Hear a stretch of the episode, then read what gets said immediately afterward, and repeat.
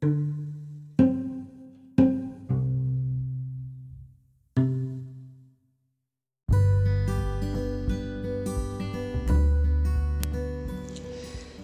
teman-teman, selamat malam. Ini kisahku. Mungkin semua orang tidak tahu tentang siapa diriku. Tapi tak apalah. Toh untuk apa terkenal? Ya, memang sih terkenal itu enak. Bisa dikenal semua orang. Tapi terkadang terkenal itu membuat resah juga dan tidak nyaman juga.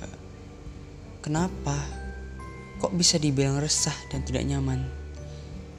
Ya pasti adalah orang yang gak suka sama diri kita ini.